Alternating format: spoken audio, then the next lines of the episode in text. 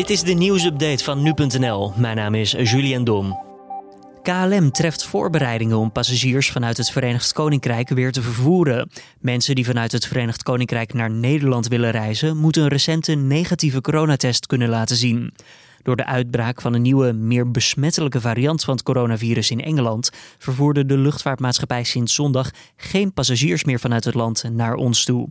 De toestellen die naar het Verenigd Koninkrijk vlogen kwamen leeg terug of vervoerden uitsluitend vracht.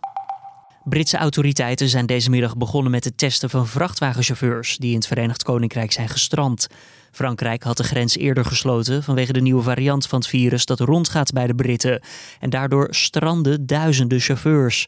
Chauffeurs die naar het vasteland willen, moeten een sneltest ondergaan. Als die positief uitvalt, kunnen ze een PCR-test laten doen. Mocht die nou ook positief zijn, waardoor blijkt dat zij het coronavirus hebben, dan moeten ze in isolatie in een hotel. Jeugd-GGZ-instellingen hebben het aantal crisismeldingen in de laatste maanden voorzien toenemen. In sommige regio's steeg het aantal meldingen zelfs met 60% ten opzichte van dezelfde periode vorig jaar.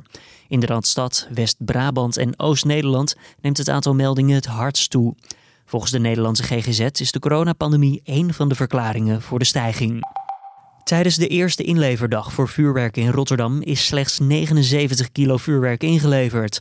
Rotterdam is dinsdag als eerste van de grote steden begonnen met een inleveractie.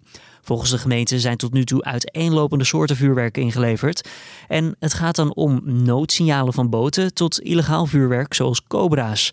Mensen kunnen in verschillende gemeenten tot 25 kilo inleveren zonder dat ze daarvoor een boete krijgen of een aantekening op het strafblad. Supermarkten in Nederland hebben in de afgelopen week hun hoogste weekomzet ooit gedraaid. Tussen maandag 14 december en zondag 20 december gaven consumenten ruim 1 miljard euro uit in de supermarkten. Doordat de horeca al langere tijd gesloten is en niet-essentiële winkels sinds vorige week ook dicht zijn, geven consumenten meer geld uit in de supermarkt.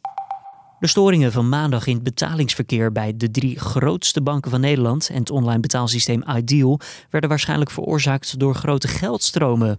Er kwam bij mensen veel geld binnen en er werd veel uitgegeven, zegt een woordvoerder van de betaalvereniging Nederland.